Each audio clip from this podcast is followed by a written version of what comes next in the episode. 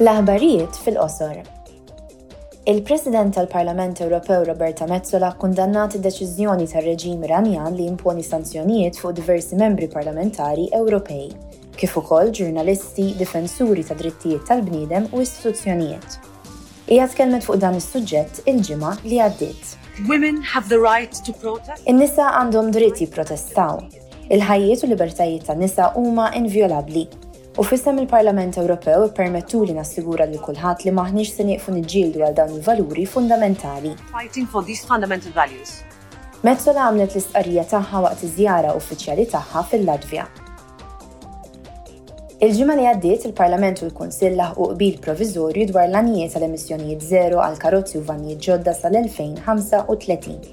Dan huwa l-ewwel ftehim tal-pakkett lesti għal mira ta' 55 fil-mija. Huwa wkoll sinjal ċar qabel il-konferenza dwar it-tibdil tal-klima COP27 tan-Nazzjonijiet Uniti li l-Unjoni Ewropea hija serja dwar l-adozzjoni ta' liġijiet konkreti f'konformità mal-għanijiet vinkolanti tal-liġi tal-Unjoni Ewropea dwar il-klima. Skont il-ftehim se jintuża finanzjament adegwat biex jimmitiga l-impatt ekonomiku negattiv tat-tranżizzjoni ekoloġika fuq l-industrija tal-karozzi.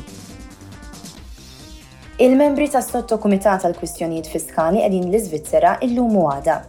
Id-delegazzjoni se tiltaqa' ma' rappreżentanti ta' istituzzjonijiet ewlenin, bħad-Dipartiment Federali tal-Finanzi, l-Amministrazzjoni Federali tat-Taxxa u membri tal-Kumitati għall-Affarijiet Ekonomiċi u t-Tassazzjoni tal-Kunsill Nazzjonali Żvizzeru, kif ukoll partijiet ikkonċernati mis-settur privat, esperti u organizzazzjonijiet tas-soċjetà ċivili. Id-diskussjonijiet se jiffukaw fuq kwistjonijiet ta' taxxa internazzjonali.